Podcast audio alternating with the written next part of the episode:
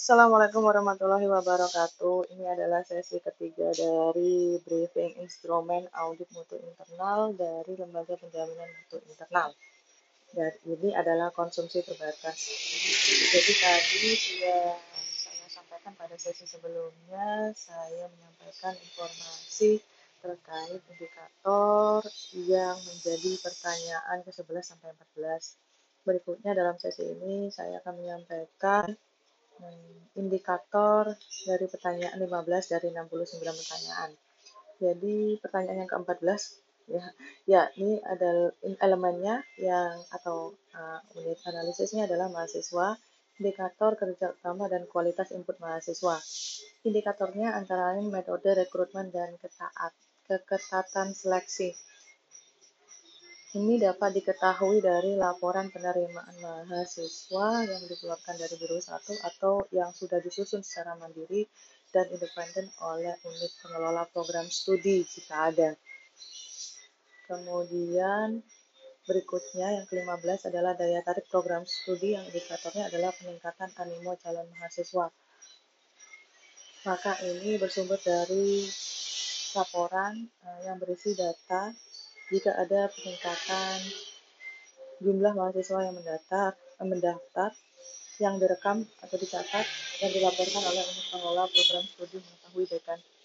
Kemudian yang berikutnya adalah jika ada mahasiswa asing. Yang ke-16 adalah unit analisisnya atau elemennya adalah layanan kemahasiswaan yang beri yang indikatornya terdiri atas ketersediaan layanan kemahasiswaan di bidang penalaran minat dan bakat, serta kegiatan-kegiatan pendukungnya selama uh, satu tahun operasi atau satu tahun berjalan. Kemudian kesejahteraan meliputi bimbingan dan konseling, layanan beasiswa, dan layanan kesehatan. Jadi ini harus ada laporan dari kegiatannya, dari layanan-layanan itu. Jika UPPS belum ada, ya maka perlu dibuat. Dengan begini akan ketahuan bahwasannya unit pengelola program studi itu yang memiliki kegiatan-kegiatan yang terukur, kegiatan-kegiatan layanan mahasiswa yang terukur. Jadi eh, kegiatannya tidak berlalu begitu saja. Eh, kemudian ada bimbingan karir dan kewirausahaan. Jika bisa menunjukkan dokumen ini, maka uh, maka layak untuk mendapatkan nilai 3 atau 4. Elemen berikutnya adalah sumber daya manusia yang mencakup indikator kinerja utama dan profil dosen.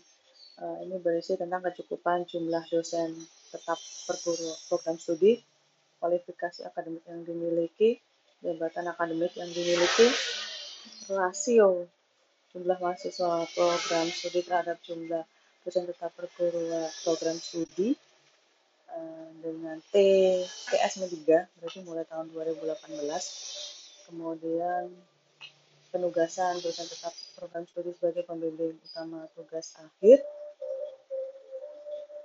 serta ekivalensi waktu mengajar penuh dosen tetap program studi.